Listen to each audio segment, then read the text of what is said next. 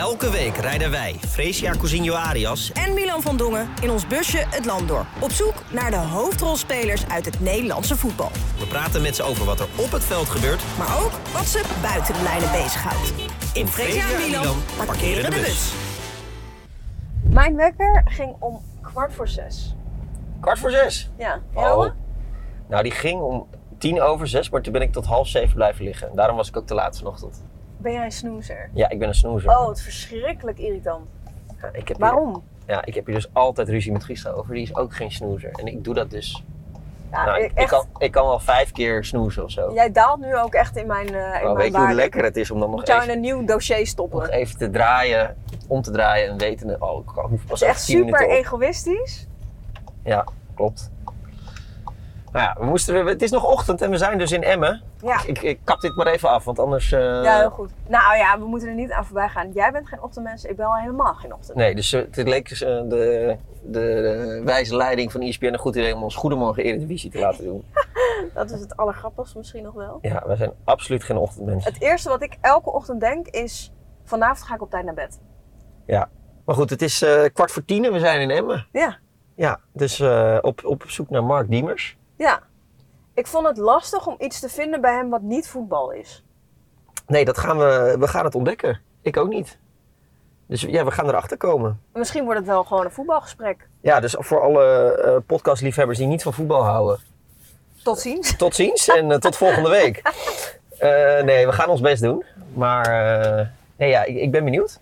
Let's go, hè? Ja, ik wou zeggen, ga je ook nog wat doen deze ochtend? Of, eh? Nou, de, het motor uit? uitzetten. Het gaat allemaal nog een beetje traag. Ja, is oké. Is helemaal oké. Ik zal niet te streng voor je zijn vandaag. Moment van de week. Zo, bus geparkeerd. Eh, we hebben een probleem.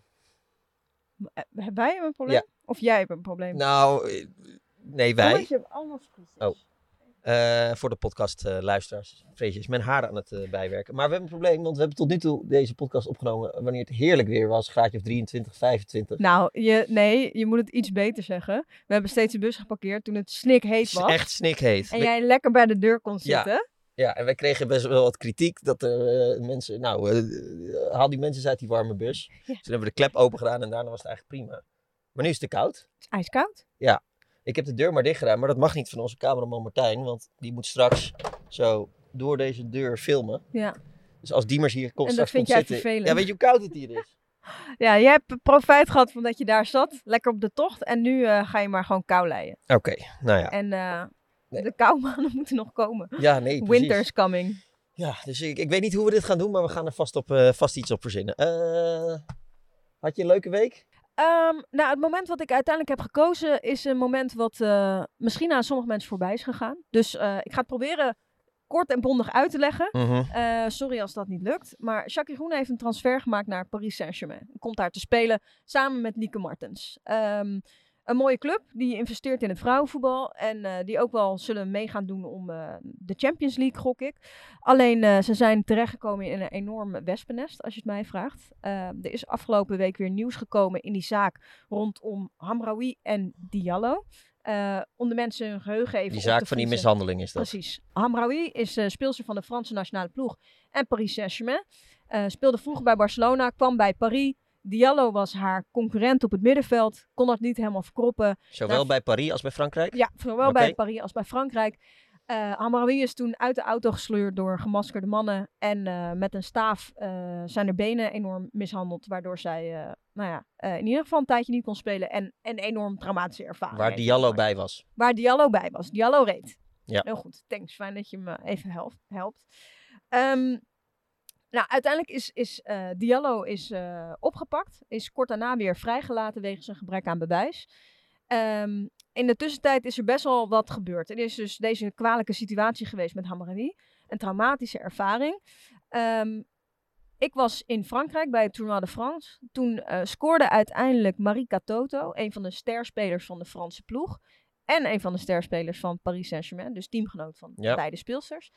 En die stond samen met Diani, een andere sterspeler van zowel Paris Saint-Germain en Frankrijk, een A-teken te gebaren. Nou, Diallo, eh, Diallo van de voornaam heet eh, Aminata. Dus die A was een eh, sympathisante gebaar naar, naar Diallo, het vermeende ehm, eh, de vermeende dader. Eh, terwijl Hamraoui gewoon bij de Franse selectie zat en haar warming-up doet, doe jij een aangebaar naar de camera. Vrij asociaal. Vrij bizar eh, als je nog niet weet wat er is gebeurd. En je teamgenoot bij de Fransen en bij, eh, eh, bij je team, bij de club, eh, op die manier ja, tegen je tegen afzetten of in ieder geval niet steunen, vind ik tamelijk bizar. Nou is er dus een, een nieuwe wending in de zaak gekomen. Eh Diallo is opnieuw opgepakt. Ehm, omdat er een paar dagen voor dat incident in november, eh, dit heeft L'Equipe eh, naar buiten gebracht, is er eh, een zoekgeschiedenis bij haar gevonden waarin ze heeft gezocht naar een cocktail van gevaarlijke drugs. En let op, knieschijf breken. Eh, nou, op basis daarvan is zij dus, is zij dus opgepakt. Beiden hebben dus nu ook het stilzwijgen doorbroken. Ik zal niet het hele statement voorlezen, maar ja, het meest pijnlijke stukje eigenlijk bij Hamraoui, het slachtoffer. Ik zal de avond van 4 november nooit vergeten. Het achtervolgt me dag en nacht. Deze donkere avond die mijn professionele en persoonlijke leven veranderde. Mijn leven als vrouw en als voetballer. Deze trieste avond waarop ik dacht dat ik ging sterven toen twee mannen met capuchons me uit het voertuig dwongen. Ze sloegen me met ijzeren staven, vooral gericht op mijn onderlichaam. Die avond was hun doel simpel. Met extreem geweld mij het werk onmogelijk maken door mijn benen te breken en een einde aan mijn carrière te maken. Nou, dit statement is voor het eerst dat ze dus iets naar buiten brengt op die manier erover. Waarin het ook heel erg gaat over de victim blaming. Wat enorm is gebeurd rondom haar persoon. Ehm, maar ja, het meest kwalijke vind ik dus eigenlijk dat gewoon intiem verba- verband dat er partij wordt gekozen en dat je dan met name het slachtoffer, los van wie het nou heeft gedaan of niet, dat je daar zo partij in kiest, vind ik echt ongekend. En in dit wespennest zijn dus Lieke Martens en Shaki Groene terechtgekomen. En eh Diallo heeft ook een statement geplaatst. voor de duidelijkheid, Diallo is inmiddels weg bij Paris. Ja, die is nu clubloos. Haar contract is niet verlengd. Nee. Nogal logisch, want Ja. zij is een soort Ja. van dader. In En Hamraoui staat nog een jaar onder contract. En kan zij, is zij net zo goed als ze was? Nee, natuurlijk niet. Nee. Nee. nee, absoluut niet. Maar dat heeft ze bij Paris sowieso niet op die manier kunnen laten zien. En eh ze heeft haar laatste wedstrijd gespeeld vorig seizoen. Aan het einde van het seizoen. En zij is En, gewoon helemaal eh, naar de kloten. Ja, tuurlijk. Ja. En eh, ze verlaten het veld. Weet je wie er voor haar in de ploeg kwam toen? Ik raad het al, denk ik. Diallo. Ja. Ja, eh staat nog een jaar onder contract. Leiding bij Paris Saint-Germain, die er verantwoordelijk voor is, die geeft aan dat ze niet meer in contact, eh, of niet meer bij de ploeg komt. En uh, ja, Hamraoui heeft gecommuniceerd dat dat komt wegens een, ja, een, een, een meningsverschil of een ja, ander Dus ze laten haar volledig vallen eigenlijk. Nou ja, vind ik wel. Ja, Ja. ja. En dat dit überhaupt zo in een team speelt, vind ik echt bizar. En met name hoe de teamgenoten ermee omgaan. Dat is mijn... eh, Ja, nou gezellige club dat Paris. Ja, toch? Ja, Heb jij een leuker, Ja. of tenminste een... nou eigenlijk heb ik een heel triest moment, want mijn, mijn grote held, als er één eh, held is in de sport eh, wie ik zou moeten kiezen, is het Roger Federer. ik ben- begon een paar weken geleden over Serena Williams. Toen dacht je deze week, nu moet ik ook. Ja, maar toen zei ik al van nee, Roger Federer, dat is echt de grote, mijn grote held. En die van jou, Serena, dat is helemaal prima hoor. Maar ik ben opgegroeid met Federer. En, en ehm, ja, gewoon hoe gracieus die tennis, hoe mooi die tennis. Maar ook vooral hoe die buiten het veld is. Altijd een Ja. voorbeeld voor, voor iedereen. Voor kinderen, voor oud, voor jong en oud. Eh, zo, ja, zo vol respect, zoveel waardigheid. Ehm, en dan ook nog de allermooiste tennisser Ja, ooit. ja. Eh, qua prestaties is Nadal misschien beter of Djokovic. Dat, is, dat zal allemaal wel. Ik maar- vind het ook wel mooi, zeg maar, eh, want ik ben ook eh, team Federer, niet team Nadal. Ehm, omdat het gewoon mooier, technischer, weet je wel. Nou ja, ik hoef het jou niet uit te leggen. Maar ik vind ook echt heel mooi tussen die twee. Het respect tussen die twee Ja, is echt een inspiratie voor alles en iedereen die concurrenten zijn of eh, grote rivalen. Prachtig. prachtig. Ja, ja, en ik heb, ja, ik, het zijn mensen die vinden dat ik op Roger Federer lijk. Eh, mijn ex heeft zelfs mij ooit versierd omdat ze verliefd was op Roger Federer. En ze vond mij zoveel op Roger Federer lijken dat ze toen maar verliefd werd op mij, want Roger was onhaalbaar. Totdat ze erachter kwam hoe je echt was. Precies, toen, is het, eh, toen ging het al snel, eh, vrij snel uit. Is dit dezelfde ex ja, waarmee dit je... is, ja, dit is die van de slimste mens, ja. Die, de Want- slimste mens won en ik verloor. Nee, wacht even, wacht even. ja, Je gaat verhaal- hier nu te snel aan Ja, voorbij. ik weet het, oké. Milan van Dongen had meegedaan aan de slimste mens. Ja, en ik hoor dus twee dagen voordat ik eh instroom, want zij weten natuurlijk niet wie uiteindelijk tegen wie komt. Dat hangt er vanaf wie goed is en wie slecht. Ja, je gaat eh, spelen tegen Lisa Loep. Ik pardon? Dat is mijn ex. Hè? Hè? En zij had mij ook tegelijkertijd al geappt. Nee joh. Oh, weet je, wisten helemaal niet dat dit jouw ex was. Nee, dat, het was ook nergens online terug te vinden. Dus ze wisten het ook echt niet. Het was gewoon puur toeval dat ik tegen mijn ex moest spelen. Maar ja, toen jij mij dit vertelde, Ja, toen he- ik, ik heb denk ik, het duurde een half uur voordat ik stopte met lachen. Omdat het is gewoon, zeg maar, alles wat je niet wil. Nee. Het, was echt, het was echt verschrikkelijk. Je wil, je, ja, je bent gewoon... maar ik- goed, als je dan van haar wint, is het prima. Ja. Maar dat is niet gebeurd. nee, Want zij heeft uiteindelijk gewonnen. Zij heeft Ze uiteindelijk was wel gewonnen. ook echt angstvallig goed hoor. bizar goed. Ja. Nee, ja, zij won eh, in die aflevering van mij en ik verloor ook nog eens van Caroline van der Plas. Ja, ja nee, eh, zo gaat het soms in het leven. Maar, eh, Maar goed, wel respect dat jij hebt meegedaan hoor. Ik ja, dat was een hilarische uitzending. En ik had het dus ook uitgemaakt. En Philip, die ja, had ik ook gedaan als ik hem was, ging natuurlijk dat nog even vragen. Wie heeft het eigenlijk uitgemaakt? En zij zei binnen 200. Ja, ik hoor. Ja, voor mij was Of eh, dit wel... Milan natuurlijk, sorry. voor, mij was dit wel eh tv-moment van het jaar. Ja, dat was eh, vrij goed. Ja. En ik wil nog één dingetje. Ik heb ook te maken met. het is totaal onvergelijkbaar hoor. Dus dit is een grap. En niemand moet doen alsof dit, ik dit vergelijk met victim blaming. Maar, Maar, je hebt te maken met victim blaming. nou ja, jij hebt zorgvuldig mijn het imago van onhandigheid van mij opgebouwd. En ik was dus dit weekend op, het, op mijn jaarlijkse familiedag van de familie Stekelenburg van mijn vaders kant.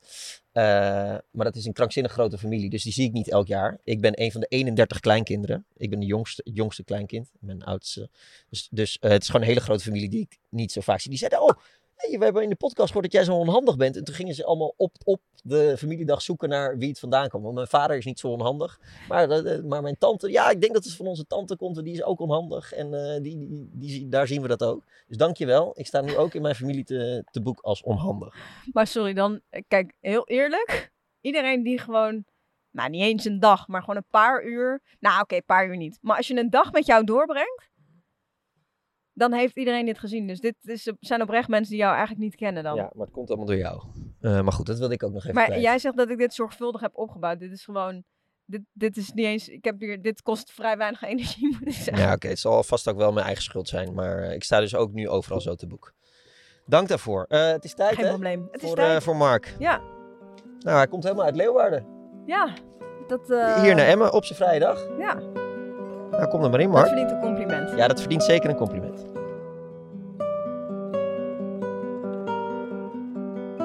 Een jongen uit de provincie met ambities tot ver voorbij de top van de Randstad. Eenmaal in Rotterdam-Zuid werd de Leeuwarder echter gehaat vanwege zijn geboren eerlijkheid. Niet dat dat hem in de weg zit, alles liever dan achterbak zijn en wel geliefd. De wetten van de topsport zijn dus niet voor deze creatieveling geschreven.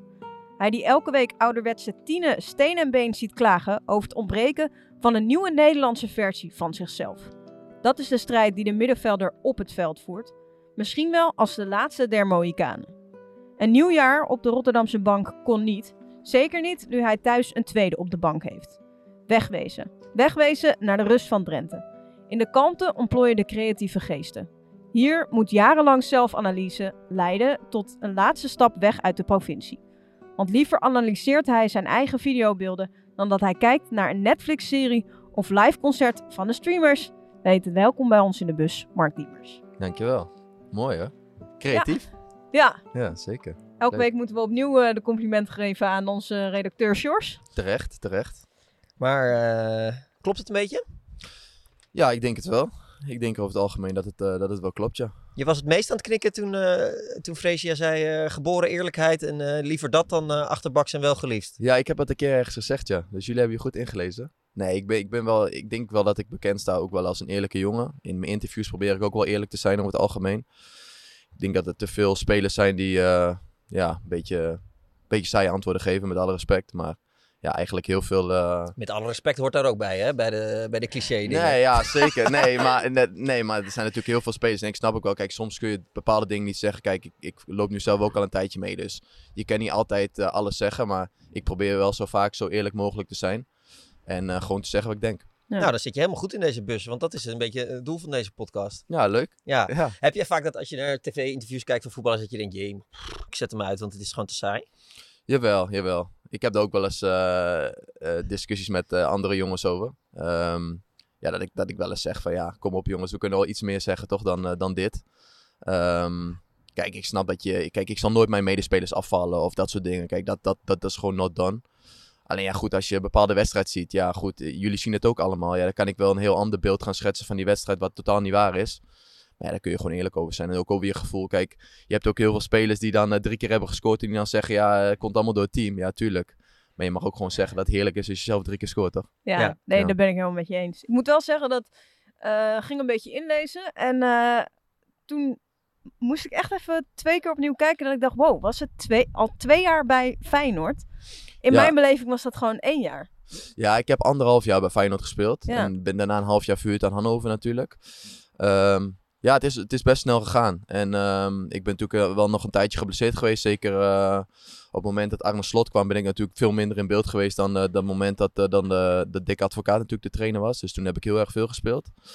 Dus ja, dan snap ik ook wel dat je een beetje denkt dat ik daar echt een jaar heb gespeeld. Voor mijn gevoel is het ook echt, echt een jaar echt serieus geweest eigenlijk. En een half jaar heb ik er een beetje ja, zo half bijgelopen door een blessure die ik heb gehad. En daarna heb ik nog een paar wedstrijdjes gespeeld. Maar ja, volgens mij een wedstrijdje of vier. Dus dat was niet heel erg serieus meer. Um, dus dat was wel jammer, maar uiteindelijk anderhalf jaar eigenlijk. Ja, wat is het voornaamste gevoel als je terugdenkt aan die periode? Nou, ik heb het wel vaak gezegd. Ik, ik ben best wel heel positief over die periode. Dat klinkt misschien raar. Ik ben sowieso wel een positief ingesteld mens. Um, maar ja, goed. Ik heb mijn eerste seizoen heel erg veel gespeeld. En ik, ik kwam natuurlijk van Fortuna Sittard op dat moment uh, dat de corona um, ja, in ons land kwam, uh, stonden we 16e. Um, nou ja, en toen uh, was het kijken van wat, wat ga ik doen. Nou, toen kwam uiteindelijk Groningen natuurlijk. Dat verhaal is ook wel bekend bij iedereen. En Feyenoord. Nou, toen heb ik natuurlijk voor Feyenoord gekozen. En toen heb ik eigenlijk een hele goede voorbereiding gedraaid. En eigenlijk vanaf het begin uh, gespeeld. En ik denk eigenlijk dat ik dat seizoen, mijn eerste seizoen, bijna 80, zeker 80% van de wedstrijden heb gespeeld. Alles in Europa heb gespeeld. Um, de klassieker heb mogen spelen. PSV AZ heb gespeeld, heb gescoord. Uh, dus ik, ik, bekijk dat wel eigenlijk wel heel erg positief. Natuurlijk ben ik niet constant uh, genoeg geweest, vind ik zelf. Um, alleen ja, dat heeft ook te maken met de rest van het elftal. Met dat hele seizoen. We eindigden dat seizoen vijfde. En uh, wonnen op het nippertje nog van Utrecht. Um, waar we uiteindelijk de Conference League voorrondes haalden. Dus dat was gewoon een heel lastig seizoen vooral. En um, dus ik was zelf ook niet constant. Net als alle andere spelers niet. Ja, goed. dat, dat, dat vind ik wel heel jammer. Dat ik eigenlijk niet in een seizoen ben gekomen zoals vorig jaar met Arne Slot. Waarin alles uh, eigenlijk vanaf het begin wel, ja, eigenlijk Drita niet, maar daarna liep alles op rolletjes. Ja, dan is het voor een speler die net nieuw komt en zeker van een lager niveau komt, is het ook makkelijker om zich aan te passen. Maar ik ben wel trots op wat ik heb kunnen laten zien. Heb je tegen iets aan moeten vechten bij Feyenoord? Voor mijn gevoel wel. Voor mijn gevoel wel. Kijk, uh, je ziet nu heel veel buitenlandse jongens komen bij Feyenoord. Uh, ik denk dat de selectie nu uh, nou, bijna 20 nationaliteiten kent. Maar vaak als er dan uh, een YouTube filmpje van een speler komt, dan is iedereen heel erg enthousiast. Ja, dat doet iedereen aan mee. Oh, wat een goede speler. Ja, mij kennen ze natuurlijk al, dus daar hadden ze al een mening over. Ja, en dan is vaak de eerste mening wat, wat mensen uh, verkondigen is vaak, ja, uh, komt van Fortuna, kan het niveau niet aan. Ja, goed, daar moet je wel tegen opboksen. Hoe heb je dat gemerkt? Nou, eigenlijk vanaf het begin toen ik tekende al. Toen had ik ook nog het ongeluk dat een filmpje uitlekte waarin ik bij, volgens mij VTBL was dat, een een uh, dilemma ronde. Uh, ja, eigenlijk Ajax verkoos boven Feyenoord op dat moment. Omdat Ajax op dat moment in de Champions League heel goed speelde. En ik op dat moment nooit had verwacht dat ik nog die stap naar een topclub zou maken vanaf Fortuna Sittard. Dus um, ja, toen lekte dat filmpje nog uit. Dus stond ik eigenlijk al 2-3-0 achter. Ja, en dan moet je maar zorgen dat je ja, door middel van heel veel goede wedstrijden, heel veel goals, dat je dat nog weet om te keren. Nou, ik denk dat ik dat in het begin gedaan heb. Ik, mijn eerste wedstrijd tegen Zwolle kan ik me nog goed herinneren. Mijn debuut, waarin iedereen heel lovend was op tv was iedereen lovend. Dan was ik de nieuwe Lasse Schöne, weet je wel. En um, ja, goed, dan speel je een paar goede wedstrijden. En speel je één keer een slechte. Ja, dan ben je weer een beetje terug bij af. En daar ben je eigenlijk constant een beetje aan het vechten tegen. Ja, uh, dus me mensen vergeten misschien wel eens hoe, hoe, belangrijk imago dan is op het moment dat je binnenkomt bij zo'n topclub. Ja, dat denk ik wel, ja. Ja, wat ik zeg, kijk, die, die nieuwe spelers, uh, die nieuwe buitenlanders, ja, die worden natuurlijk gelijk, uh, ja, ook wel een soort van gehyped een beetje omdat er dan een filmpje is uitgelekt van hun, uh, van hun highlights of zo. Uh, ja. Vind ik heel leuk voor die jongens zo, want ik gun het ze allemaal. Alleen, ja goed, ik ben een jongen waarvan alle highlights al bekend zijn. En ik al heel erg bekend in de eredivisie ben. Ja goed, en hebben alle mensen natuurlijk al een mening over je klaar. En sommigen zijn daar heel positief in en sommigen zijn ja. ja daar vooral negatief in. Hoe merkte je het en wat deed het met je mentaal? Um, nou, ik ben op zich mentaal denk ik wel een redelijk stabiele jongen. Ook omdat ik op een latere leeftijd bij een topclub kwam. Uh, ik denk dat dat hetzelfde voor bijvoorbeeld een Brian Lins is geweest. Dat wij daar best wel goed mee om kunnen gaan. Omdat we natuurlijk ook al wel wat dingen gezien hebben. Ik denk dat dat moeilijker is voor een jonge jongen die dan bij een topclub binnenkomt. En dan gelijk met die uh, ja, mening heeft te doen, zeg maar. Dus ja, ik, ik, ik, denk dat ik daar best wel heel erg goed mee om heb uh, kunnen gaan. Ja, want uh, je hebt vast wel wat uh, verwensingen naar je hoofd gekregen. Ja, zeker vanaf het begin natuurlijk. Ja, dat hoort er ook wel bij, denk ik, bij een topclub. Waarom hoort dat erbij? Nou ja, goed. Ja, ik, ik weet dat eigenlijk niet. Ik zeg het Nee. wel dat het erbij hoort. Eigenlijk vind ik niet dat het erbij hoort. Maar Het gebeurt zoveel Het ge- dat je het idee hebt dat het erbij precies, hoort. het Ja. gebeurt erbij. Ik bedoel, ja, hoe vaak maak je dat niet mee dat, eh, dat, je, dat je dit soort verhalen hoort van jongens. Maar ook, eh, ik denk dat er ook bij, bij bepaalde topclubs eh, veelal jongens dreigementen hebben gehad. Of dat, dat soort dingen. Ja, en dat, dat zeg je dan dat het erbij hoort. Maar eigenlijk hoort het er natuurlijk helemaal niet bij. Nee, eh, want, want wat is het naarste dat je hebt meegemaakt in die, in die anderhalf jaar bij Feyenoord? Ehm, nou, het naaste wat ik heb meegemaakt. eh, ja, en dat wil ik dan eigenlijk één keer hier vertellen. En dat wil ik dan eigenlijk ook niet meer over hebben. Eh, volgens mij had ik laatst een interview met Hans en die benoemde dat toen ook. Volgens mij was het in de, in de studio ook al door Hugo Borst een beetje verteld. Ja, ik heb toen een keer gehad dat ik tegen Vitesse speelde. En toen werd ik er in de rust werd ik gewisseld door, eh, door, eh, door Dick. Wat geheel terecht was trouwens, want ik speelde een heel slechte eerste helft. Alleen eh, toen kwam ik twee dagen later denk ik op de club bij de... ja, op dit moment is Frank Boer de teammanager van Feyenoord. Maar die was toen zeg maar de, de, de man die alles regelde qua huisvesting. En jongens echt een warm gevoel gaf. hè, dat ze binnenkwamen en eigenlijk alleen op het voetbal hoefden te richten. Eh, waar ik Frank overigens, heel dankbaar voor ben, wil ik even gezegd hebben. En ehm, nou, toen kwam ik en toen twee dagen later, eh, denk ik op een maandag of dinsdag, riep hij me in kantoortje. En toen zei hij, ja Mark, eh, ik, moet, ik moet even over iets hebben. Ik zeg, eh, vertel. Hij zegt, ja, ik heb net met de veiligheidsmanager gesproken en eh, ja, er is bepaalde dreigementen richting jou zijnde. Dus dat wordt nu momenteel door de politie gecheckt. En dat gaat dan over een paar gasten die op forums hebben, hebben gezegd dat ze naar je huis toe willen gaan om ja, verhaal te halen bij jou. En dat wordt nu door politie momenteel gecheckt.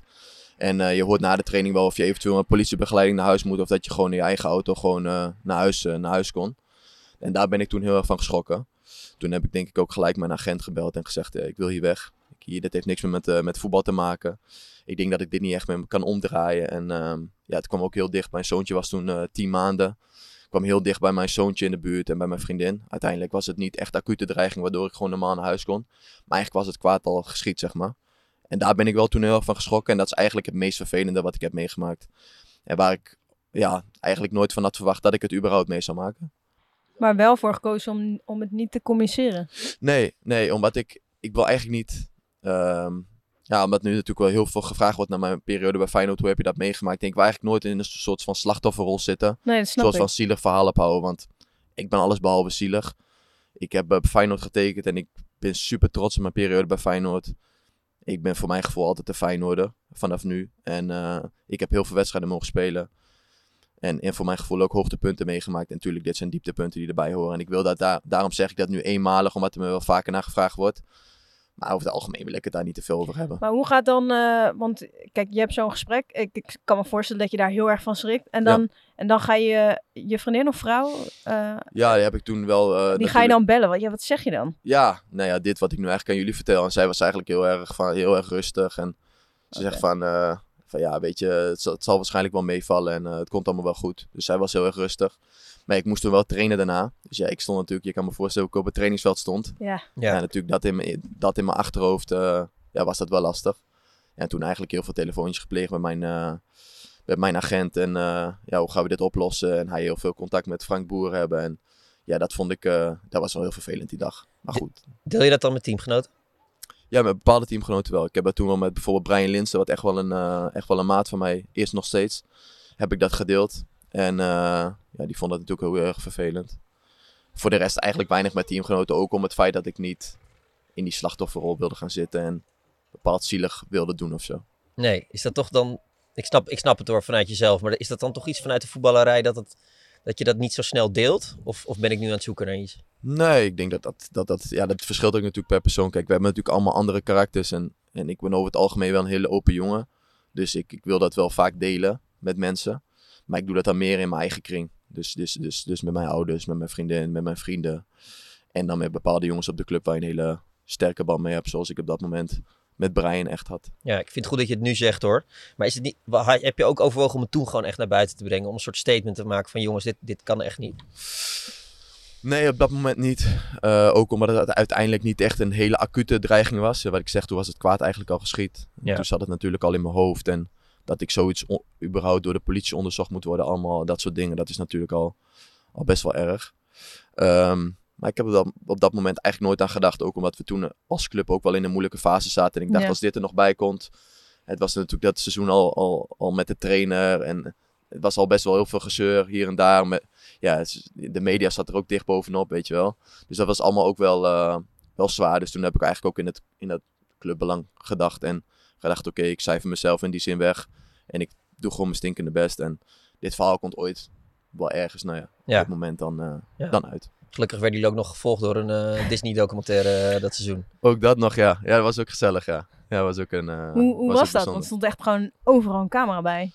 Ja, uiteindelijk viel dat wel mee hoor. Want ze hebben ook heel veel momenten die wel heel erg leuk waren om vast te leggen. Niet vastgelegd. Was volgens mij mochten ze iets van twee of drie dagen in de week mochten ze komen. Dus ze hadden ook bepaalde momenten. Ja, kijk, en iedereen gedraagt zich daar toch wel naar. Weet je, ik merkte aan mezelf ook dat ze bijvoorbeeld aan het filmen waren in de fysioruimte. En dat ik dan toch even net in die fysioruimte niet kwam. Of dat we net andere grappen gingen maken. De vieze geintjes een beetje weglieten. Of ja. gaat je er toch wel een beetje naar gedragen. Dus uiteindelijk krijg je toch niet echt daadwerkelijk de documentaire die je misschien helemaal zou willen. Stiekem allemaal gewoon een beetje acteurs. Ja, eigenlijk wel een beetje. Ja, eigenlijk stiekem wel een beetje, een beetje acteurs. Ja. ja. Dick Advocaat kwam er niet zo best uit uit die documentaire. Nou, ja, weet ik niet. Um, is misschien ook qua timing had ik het idee dat het gewoon... Ik denk als dat een jaar eerder was of zo, dan was het gewoon seizoen, anders. Het was een moeilijk Volledig waardeloos natuurlijk. Ja, het was, het was gewoon heel moeilijk. Het was zonder supporters dat seizoen. Ja, het was gewoon heel erg moeilijk. Er was veel strijd eh, onderling, denk ik. In de kleedkamer ook wel. Uh, wat, je, wat je toen ook wel veel gehoord hebt natuurlijk. Uh, ja, en, en, en, ja, de trainer had er ook wel moeite mee, denk ik. Um, dus uiteindelijk was het, was het gewoon een lastig seizoen. En was er natuurlijk heel veel negativiteit rondom dat seizoen. En, en zag je dat in die documentaire natuurlijk ook wel terug. Ja, want ook met die documentaire, juist omdat Arne Slot weer zo'n extreme tegenhanger is van alles wat Dick Advocaat uh, nou ja, doet, uh, wat zijn visie is en, en de generatie waar hij voor staat. Ja. Daardoor is de, de tegenstrijdigheid ten opzichte van elkaar, dus maakt het nog extremer. Ja, zeker. Ja, je ziet natuurlijk, ja, Arne is een totaal ander soort trainer dan, dan, dan Dick op dat moment. Uh, ik denk ook nog steeds dat dat, en dat heeft natuurlijk Advocaat bewezen, een hele grote trainer is en een hele goede trainer is. En ik moet sowieso, ik zal nooit één slecht woord over Dick zeggen, want de kans die hij mij heeft geboden, uh, door, door, door Dick Advocaat ben ik uiteindelijk bij Feyenoord gekomen. Die heeft echt mijn komsten doorgedrukt. Omdat hij echt uh, ja, een hele, ja, eigenlijk wel, wel een, ja, een fan is een groot woord, maar hij, hij, uh, hij vond mij in ieder geval een hele goede speler. Dus, nou ja, zij, iemand, kijk, je kan zeggen wat je wil, maar iemand met zijn cv, ja, dat heeft hij niet zomaar. Nee, daarom. En ik vond ook dat hij daarin best wel heel erg, ja, ook door die Disney documentaire misschien werd weggezet als een of andere nobody die, die er niks van kon of zo. Terwijl ik denk van, ja, er mag voor, voor zijn staat van dienst wel heel veel respect zijn. En uh, ik heb in ieder geval heel veel respect voor uh, meneer advocaat eigenlijk, zou je moeten zeggen. Ook voor meneer Slot? Ja, zeker. Zeker. Nee, ik heb voor, voor, uh, voor Arne ook heel erg veel respect. En ik ben eigenlijk, ja, het klinkt raar, ik heb onder hem heel erg weinig gespeeld, maar wel een heel goede band met hem gehad. Ja? Ja, echt. Ja, kan zeker. dat tegelijk? Ja, ik denk het wel. Kijk, ik, je hoort vaak spelers die niet spelen, dan is de trainer slecht. Um, zo probeer ik zelf in ieder geval nooit te zijn. Ik heb onder in, in FC Utrecht heb ik toen onder Ten Haag ook weinig gespeeld. Wel iets meer dan onder, onder Arne, maar... En dat vond ik ook een hele goede trainer. Dus je moet door bepaalde dingen ook heen kunnen kijken. Hè. Kijk, een trainer heeft ook een bepaalde smaak. En ik zeg altijd, ja, kijk, ik hou van pindakaas, je houdt van Sham. Nou, dat is bij, bij, bij, bij trainers ook zo. Hè. Die houdt van de, van de ene type speler en ik hou van een andere type speler. Pindakaas en Sham zijn ook goed samen. Dat is waar. Echt? Pindakaas hagelslag ja, ook trouwens. Pindakaas hagelslag. Pindakaas verschrikkelijk. Ja. Ik vind alles wat met pindakaas te maken heeft. Ja, had ik, had ja. ik een ander voorbeeld moeten noemen. Maar je snapt wat ik bedoel. Mag geen, kijk. mag geen uh, KUT meer zeggen van de leiding. Schelden, nee. Ik heb hem, uh, maar we hadden dit weekend wel uh, slappe LWL. Dus, ja, ja, precies. Ja, Henk de Jong doet ook gewoon mee. Ook, ook leuk, ja. ja, die was zeker goed. Ja. ja. Nee, want ik zag jou in die voorbereiding op dit seizoen achterin spelen, toch? Ja. Op de training. Toen dacht ik, oh, die Diemers die zal wel een hekel hebben aan die slot. Nou, daar heb ik wel, daar heb ik wel duidelijk van wat van laten merken, ja. Dus daar heb ik het wel met de trainer over gehad. Uh, kijk, ik ben altijd, de trainer is heel duidelijk naar, mij geweest. Uh, na dat seizoen met, uh, met advocaat kwam slot natuurlijk. Toen heb ik eigenlijk de eerste week al gelijk met hem gezeten. En toen heb ik hem eigenlijk gewoon gevraagd van ja trainer, wat is de bedoeling dit seizoen? kijk, een trainer heeft al lang eens over wat hij wil, wat hij wil dat seizoen. Ik zeg, ja kom ik hier je plannen voor of niet? Dus nou, op dit moment ben je, ben je vierde middenvelder, dus achter de drie middenvelders. Dus je gaat wel minuten maken, maar niet zoveel als je zou willen. Ik zeg, nou dan is het voor mij duidelijk. Ja, dat is ook wel fijn toch? Gewoon ja, eerlijk, duidelijk. Heel erg duidelijk. En ik heb hem daar ook voor bedankt. Ik zeg bedankt voor de eerlijkheid en dan ga ik iets anders zoeken. Nou, jammer genoeg raakte ik eind van de voorbereiding geblesseerd, waardoor ik niet weg kon. Ben ik in de winter uiteindelijk nog weggegaan. Alleen uh, toen ging het wat moeilijker, want hij wilde me eigenlijk wel heel graag bij de groep houden. Want hij zei, je bent een jongen die altijd kwaliteit levert, ook op de trainingen. Uh, ja, je bent zeker niet de jongen die het kwaliteit omlaag brengt op trainingen. Ja, en niet uh, zeurt dus. En niet zeurt ook uiteindelijk. Dus voor mij ben je een ideale prof en kan ik je moeiteloos inzetten. Dus hij wilde me toen eigenlijk niet laten gaan. Ja, en op de voorbereiding van dit seizoen heb ik natuurlijk weer met hem gezeten. En toen was het eigenlijk wel duidelijk dat, dat we allebei, ja, dat onze wegen zouden scheiden. Ook vanwege mijn uh, salaris. Daar wilde Feyenoord wel graag vanaf. Nou, Feyenoord wilde veel nieuwe spelers halen. En ik wilde graag weg. Dus dat was eigenlijk wel een simpele optelsom. Ja. Ik wil even naar buiten het voetbal. Want wij proberen in deze podcast ook een beetje de mens naast de, de voetballer te, ja, te schetsen. Ja. Of te vinden. Of te vinden, inderdaad. Ja. Wij konden echt bar weinig vinden over, uh, over jou. We hebben nog wat mensen proberen te bellen en zo. Die zeiden, ja, ze, hij is echt het voetbaldier. Ja. Wat houdt jou bezig naast het voetbal? Waar, waar, waar word je boos van? Waar word je blij van? Uh, waar liggen je interesses? Voetbal Nou, kijken. Ja, ik, ik, ik, kijk ook wel, ik kijk ook wel veel voetbal, maar wel minder nu hoor.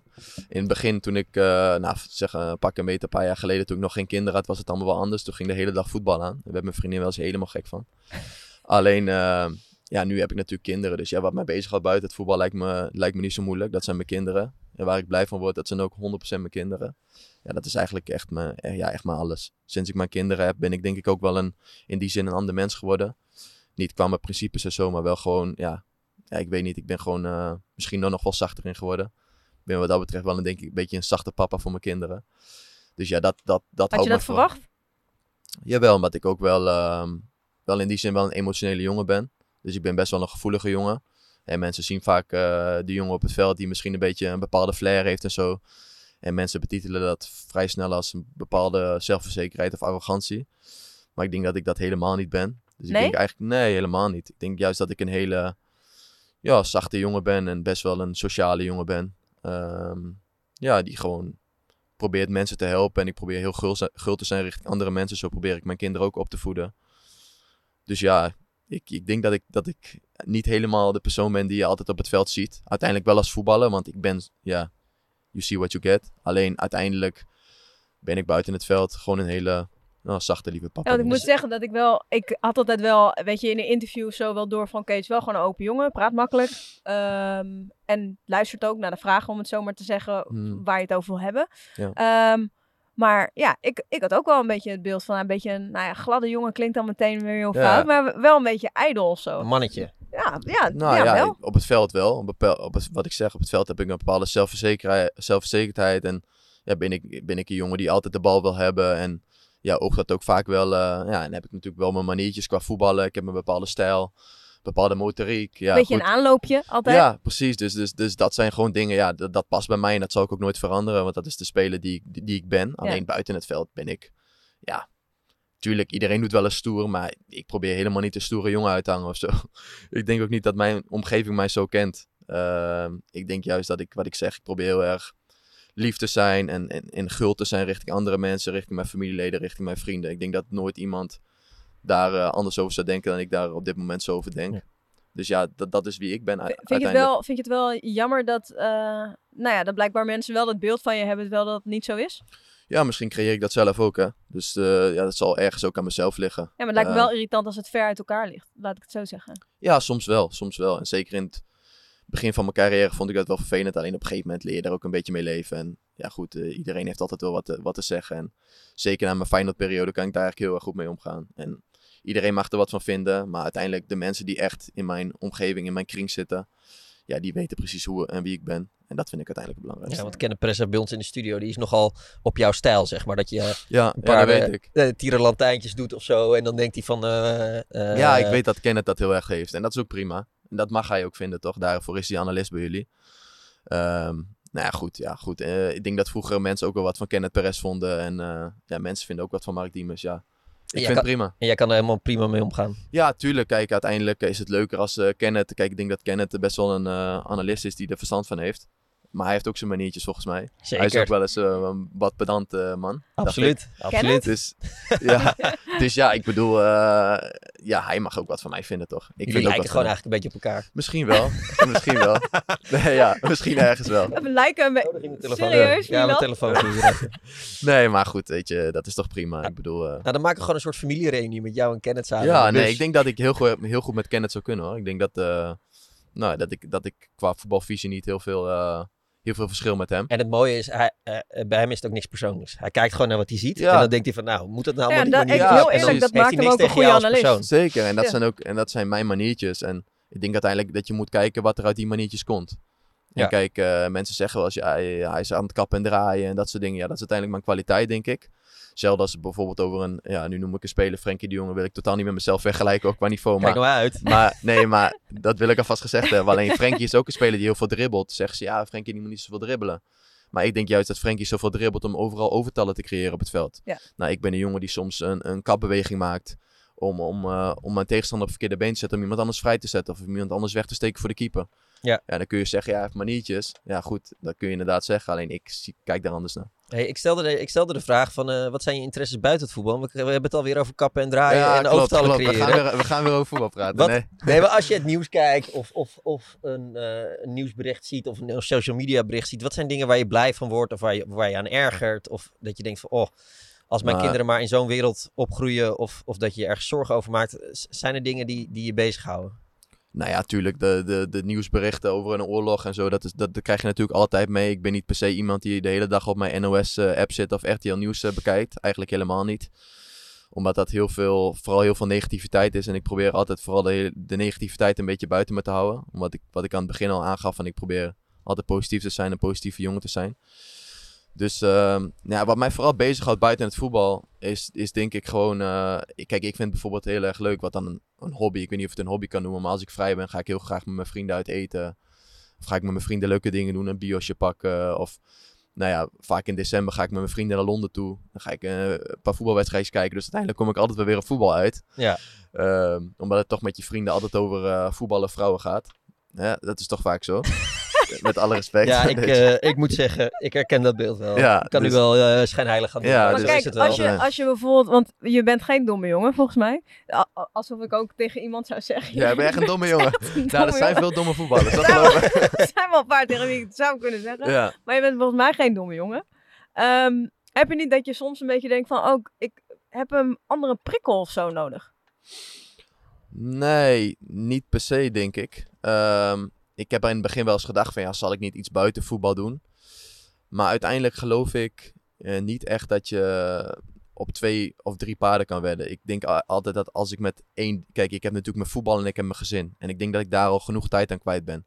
En ik denk als ik daar nog andere dingen echt heel nadrukkelijk eh, daarnaast doe, dan gaat het of ten koste van mijn gezin of ten koste van mijn voetbal. En dat wil Ja. ik gewoon niet. Nee, het is gewoon meer echt prof wat dat betreft. Van, Ja, precies. Dus, Ja. Dus, dus ik denk ja, dat je gewoon in bepaalde dingen heel veel energie kan steken en niet in meerdere dingen. Ik Ja. geloof daar niet zo in. Ehm, we gaan even naar een eh, audioboodschap voor jou. Oh, Die gaan we eens even installeren. En dan gaan we het Oh. toch weer over het voetbal. Och, alweer.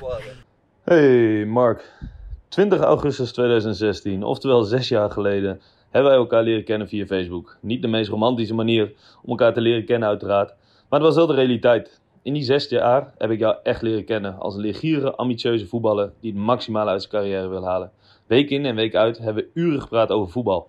Deze uren bestonden uit het analyseren van jouw eigen wedstrijden en allerlei andere dingen die wij op de velden zagen gebeuren. In al die jaren heb ik je zien ontwikkelen als speler, maar ook als mens. Daphne en jij hebben samen een fantastisch gezinnetje opgebouwd waar je enorm trots op mag zijn. Ik blijf met plezier onze sessies om pappendag, etenstijd en bedtijd plaatsen, zodat we nog vele jaren door kunnen gaan. Mark, vanaf dag 1 ben jij een van de eerste voetballers geweest die echt op mijn manier van werken heeft geloofd. Ik ben jou hier eeuwig dankbaar voor. Naast alle voetbalinhoudelijke gesprekken hebben we vooral ook veel lol met elkaar gehad.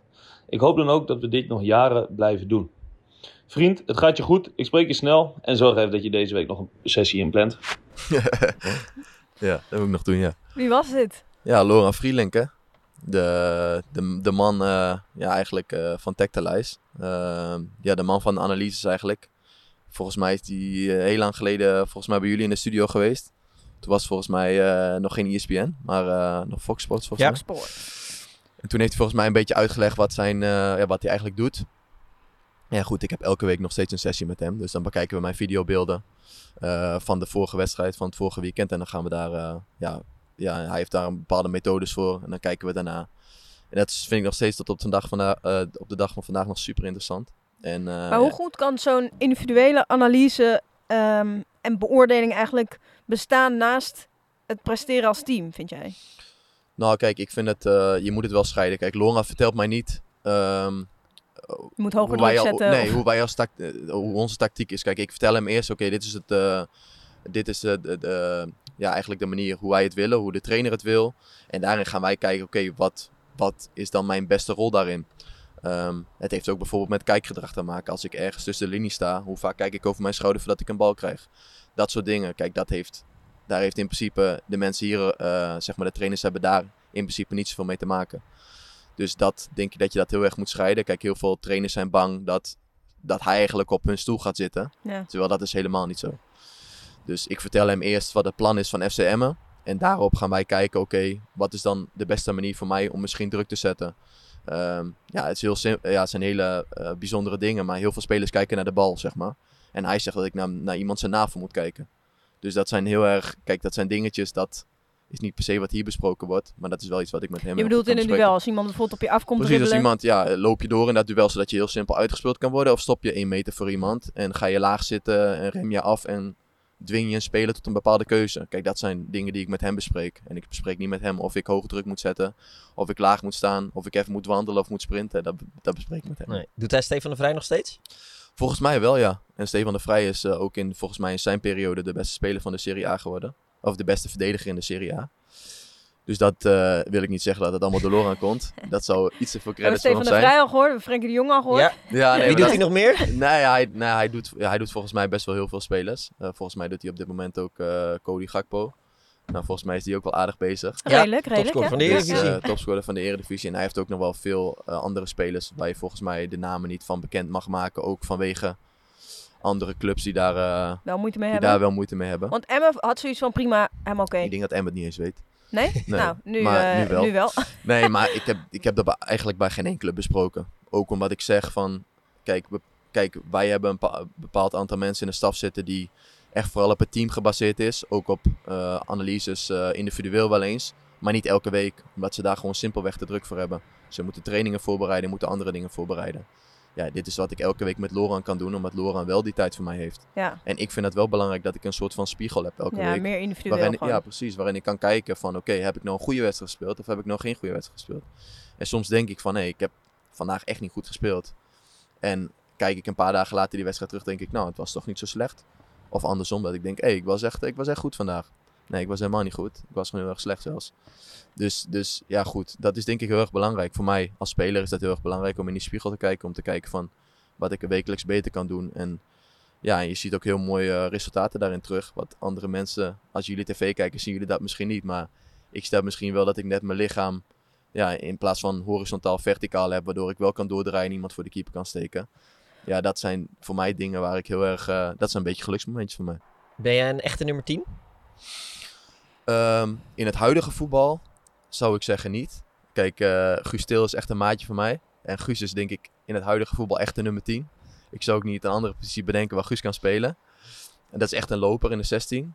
Maar ik denk dat ik meer een ouderwetse nummer 10 ben. En ik denk dat dat ook nog heel erg goed kan in het hedendaagse voetbal. Hij sterft niet uit. Nee, ik denk het niet. Eh, als je andere jongens zich daar ook op aan kunnen passen. Maar wie Dus- zie jij nu nog in de Eredivisie als een echte team? Tanane zie ik nog als een 10. Ja. Ik vind. Tanane eh, een heerlijke speler om naar te kijken. Denk ik dat je Tanane en mij wel kan vergelijken qua types. Ook jongens die wat willen creëren, gaat ook wel eens wat fout. Je kan je eraan ergeren. Maar soms komen er ook hele mooie momenten uit. Dus ik denk dat dat wel een van de weinige jongens nog is. Ik vind Steven Berghuis ook wel niet een typische... Ik heb met Steven gespeeld. Ehm, die speelt toen natuurlijk al rechtsbuiten bij Feyenoord. Maar ik denk dat het ook niet een typische nummer 10 is op dit moment. Echt een loper. Ook echt een jongen die kan verdelen, de bal komt ophalen. En met zijn geweldige linkerbeen ook eh, ja, magische dingen kan doen af en toe. Dus ik niet- denk niet dat het helemaal uitsterft. Maar ik denk wel dat de laatste jaren het stuk minder is geworden. En dat je de type Snijder en Van der Vaart een stuk minder hebt. Wat ik heel erg jammer vind. Ja, Guus neemt jou... eh, de, de types als Til nemen jou, eh ja, jouw eigenlijk wel. Ja. Dat vind ik heel erg jammer. Ja. Vind ik heel erg jammer. Op, oprotten met die Til. Ja, oprotten met die Ja, Voordat we echt richting het einde gaan, moest ik nog eigenlijk nog één ding vragen. Eh, hoe gaat het met je snor? Mijn snor, eh, dat heeft Karel zeker net gezegd. de Ja, Karel, materiaalmanier. Karel zegt net, kijk, ik ga elke week wel naar de kapper. Dus in die zin, wat jullie zeiden dat ik ijdel ben, dat is wel waar. Ja. Qua uiterlijk dan. Ehm, dus ik ga elke week naar de kapper. Alleen mijn snor was dus wat langer gegroeid, omdat ik eh, even niet was gaan. Hij zegt, ja, mijn vrouw eh, en ik waren tv, waren tv aan het kijken, RTV Drenthe of zo. En mijn vrouw zegt, wat heeft die jongen een pornosnor? dus, eh, dus ik word nu altijd... eh, ik, ik- ja, ik heb nu een beetje die naam gekregen dat ik een pornosnor heb. Dus eh, Ik Ja, dan moet, je, dan moet je hem nog wel even laten staan hoor. ja, Ja, ik ga laten maar even... Ik denk dat ik hem iets langer laat groeien. goed November zijn. komt er weer aan, toch? Wat is dat altijd? Ja, ja, november, ja. november, ja. Zeker. Ja, dan kan je nu even sparen. en Dan, ja, ik weet niet of dat mij heel erg... dan moet je de rest ook even weghalen. Dus je baard weghalen en Ja. dan alleen je snor. Misschien wel leuk om te doen, ja. Ja, ja. voor de verandering een keer. ja. Tijd voor tijdrekken. Zijn we er klaar voor? Ja, we zijn er. We gaan tijdrekken, Mark. Ken je, het, ken je het principe? Nee, laat me verrassen. Tien stellingen. Ja of nee. Of je moet in ieder geval een keuze maken. En je mag één joker inzetten. Oké. Die, je- die je echt niet wil beantwoorden. De rest moet je beantwoorden. Ehm, ik ga mijn carrière afsluiten bij Cambuur. Dick Lukien of Dick Advocaat? Ehm, Dick Lukien. Met mij erbij had Feyenoord de Conference League gewonnen. Nee. Kenneth Perez of elke andere analist? Eh, Ja. Nee, dan ga ik voor Kenneth Perez. Ik zie me na mijn carrière als prof wel werken met videoanalyses. Mm, nee. Als Essen Heerenveen deze zomer komt, dan ga ik. Nee. Liever Amerika, Australië dan een avontuur in de zandbak. En de ja. centjes die erbij horen. Ja, dat, dat, dat, dat bracht mij aan het twijfelen. Toen ik aan de centjes dacht. Eh, ja, ik denk het wel. Amerika, Australië. Ja, Ja, maar het lijkt me nu ook zo moeilijk om te zeggen. Want als dan zo'n club uit de moeilijk. zandbak komt en je ziet die getallen, dan... ja, je zegt daar zo... Ja, je kan het denk ik pas echt beoordelen als je getallen op papier hebt en Precies. dan ja of nee kan zeggen. Precies. Ehm, als Emmen niet zes wedstrijden voor het einde veilig is, gaan we degraderen. Nee, Je weet jullie programma hè, aan het eind. nee, Nee? nee. maar ik het zal een heel moeilijk programma zijn, denk ik. Ja, Dat denk ik ook. Het, eh, zegt. Dat was eh, Ah, heel moeilijk. Eh, de laatste zes wedstrijden. Ajax, Heerenveen, Twente, AZ, Feyenoord en Utrecht. Dat is moeilijk. Dat is best moeilijk. Dat is moeilijk. Misschien wil ik dan... Nee, ja. Nee, ik zeg nee. Oké. De mooiste club van Nederland is? Oeh, die... eh, Ja. is nu een makkelijk antwoord, toch? Ja, in- nee, ja. Emmen. Ja. Dat Ajax. zal wel heel makkelijk zijn. Dat, dat denk dat, ja. Nee, ik zet mijn joker in. Hij, heeft ook, eh, hij zei ooit Ajax, maar hij durfde niet Nee, meer. dat, dat zeker niet meer. Nee. dat zeker niet meer. Ehm, Krijgen we nu jouw mooie... ja, ja, ja. Zet het een fluisterstelling? Ik wie- heb mijn joker al ingezet. Dat is, Ja, misschien, dat is dat is misschien niet zo handig na deze. Wie is een betere trainer? Arne Slot of Erik ten Hag?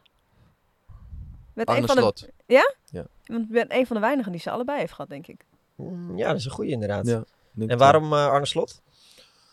Omdat, ja, ik kan eigenlijk alleen vanuit mijn tijd praten. En ik vond Erik ten Hag op tactisch vlak echt waanzinnig goed. Zijn trainingen waren waanzinnig goed. Maar ik vond hem op dat moment, en daar eh, spreek ik echt over dat moment. Nou, hoe lang is dat nu geleden? Dat zal een jaar of zeven, 7, 8, zeven acht geleden zijn. Vond ik hem op menselijk vlak niet heel erg goed. Ehm, dus, dus dat is het verschil wat ik met Arne, Arne Slot, die vond ik op menselijk vlak wel een stuk beter. Het schijnt, tenminste de verhalen die ik hoor, zijn wel dat Ten Hag daarin gegroeid is. Dus Zoals iedere trainer waarschijnlijk denk daarin groeit. ja, 100%. Ik bedoel, eh, Ja. kijk wat voor clubs hij gewerkt heeft. Hij heeft altijd succes, dus hij moet ook op menselijk vlak. En ik heb nu nog wel eens contact via WhatsApp met hem. En dan eh, komt hij ook heel erg eh, vriendelijk op me over. Dus eh, nee, hij zal ongetwijfeld op een menselijk vlak ook enorm gegroeid zijn. Nee, Ja. Slot heeft dat van nature. Ja, ik denk dat hij ook wel, die praat wat makkelijker natuurlijk. eh, Als je ook ziet hoe hij persconferenties eh, doet en eigenlijk alles zo gemakkelijk Die pakt eh, iedereen in. beantwoordt, dat ja, is hij niet kan, het, hij kan het heel erg goed. En hij is ook met spelers. En hij heeft ook een bepaalde dosis humor wel af en toe. Dus eh, nee, ik denk dat ik dan... Dat is eigenlijk alleen de reden waarom ik... Ik denk dat ze allebei tactisch sterk zijn. En dat het allebei hele grote trainers... Ja, Ten Hag is natuurlijk al een hele grote trainer geworden hier nu, nu bij United. Maar ik denk dat Arne Slot ook dezelfde weg gaat bewandelen. Ja. ja. Wil je nog iets kwijt? Nou ja, Dick Lukien of Dick Advocaat. Dat vond ik een hele lastige, want ik moet eigenlijk... Ik vind... Ja, Dick Lukien ken ik natuurlijk al, al tien jaar, denk ik. Dus Moet je is- nu ook opstellen, maakt het ook dus, lastig. Dus dat is ook de reden waarom ik voor Dick Lukien kies dan. Aan de andere kant ben ik natuurlijk Dick Advocaat heel veel eh, dank verschuldigd met... eh, Maar ja, je had maar één joker, dus ja. daarom, dus dat was lastig. Dus, dus ja, Nou, nu, uiteindelijk, vond, deze nuance zullen we erin laten uit- zitten hoor. uiteindelijk vond ik dat lastig. En ik weet niet wat ik voor de rest... Wil ik nog op één terugkomen? Je mag Nog ook gewoon meer? nog een boodschap aan de mensen... eh, als je- Boodschap voor de mensen. Nou ja, als je zegt van, Boodschap! mensen, moeten, me- mensen moeten echt nog dit van mij weten. Dit is je moment nee, nog. nee, ik denk dat ik eh, zo een mooi beeld van mezelf heb eh, neergezet. En uiteindelijk mogen mensen altijd de- denken wat ze denken. Ik denk dat heel veel mensen een bepaalde vooroordelen hebben, maar als ze de mensen achter de voetballen beter kennen, toch wel, eh, wel anders denken. Ja, dus dat is denk ik... ja, dan, dan, dan ben ik blij dat ik bij jullie in de bus heb gezeten. Nou, fijn. Ja, Wij zijn ook blij dat jij bij ons in de bus Ja, zat. hij was lekker openhartig. En eh, nog even sparen op die goede pornosnoer. Want Ja. dit, dit is toch nog, moeten we wel even Dit nog tegen wel- Karel zeggen, dit is nog Ja. echt nog geen porno. dit is nee, niks. Dit is, dit is weinig, toch? Nee, ja, gewoon- Ik heb sowieso heel weinig baatgroei. Dus als er, nog, ja, als er toch nog zo'n eh, kliniek luistert, uit Turkije of zo. Misschien eh, wat voor de inhammetjes en wat voor, voor het baatje, dat zou wel Ja, fijn ik ken zijn. het. Ja, mijn is ook voor de helft eh, Ja, dat is vervelend, hè? Ja. Ja. maar jij hebt het helemaal eraf gehaald. Nee, het is dus weg. Nee, Ja, de- kijk, Milan heeft is- hier... is- Nee, ga zo Oh, aan de kant. Hij heeft hier dus een... eh, Uitgevallen, zie je? hij heeft Oh, hier ja. een... eh, eh, ook als je het wel laat staan, dan heeft Milan Ja. heeft hier zo'n gat. Dus mag Ja, ik, dat is mag ik- vervelend. als jij nou een kliniek eh, verzoek krijgt, Dan mag ik dan met je mee? Dan doen we gaan we gewoon samen. een, een package dealtje. Ja, Ja. Dat want doen dan... eh, maar inhammen kan jij niet over mee. Nee, Nee, dat- dat, dat- jij hebt een mooie uh, dat gaat, hij haar, heeft ja. dat ziek gaat wel veel haar, hè? Ja, het is echt heel... eh, Ja, je kan niet alles hebben in het leven. Nee, dat is waar. Jij stond vooraan toen dat werd uitgevoerd. Precies. Eh, dankjewel Mark. Succes met Emmen. Dankjewel. En eh, volgende week eh, ga ik met vakantie. Jij Ik gaat, ben benieuwd hoe we dat... Jij hebt nu, het moment dat wij deze podcast zet uitzetten, heeft hij vakantie. vakantie. Echt? Lekker zeg. Even een Ja. weekje naar Italië, dus ik ben benieuwd hoe we dat gaan oplossen Nou, ga jij week. eerst maar eens even kijken of je überhaupt in Italië komt met alle Dat- vluchten dat is waar. Misschien zit ik wel gewoon in die bus volgende week met jou, dat hoop ik helemaal stuk. Nee, dat zou Nee. heel waardeloos zijn, hè? Nee, Nee, dat zou ik ook wel vervelend voor je vinden. Maar ik ga je gewoon bellen. En, eh, komt goed. Dankjewel Mark. ja, Alsjeblieft. thanks.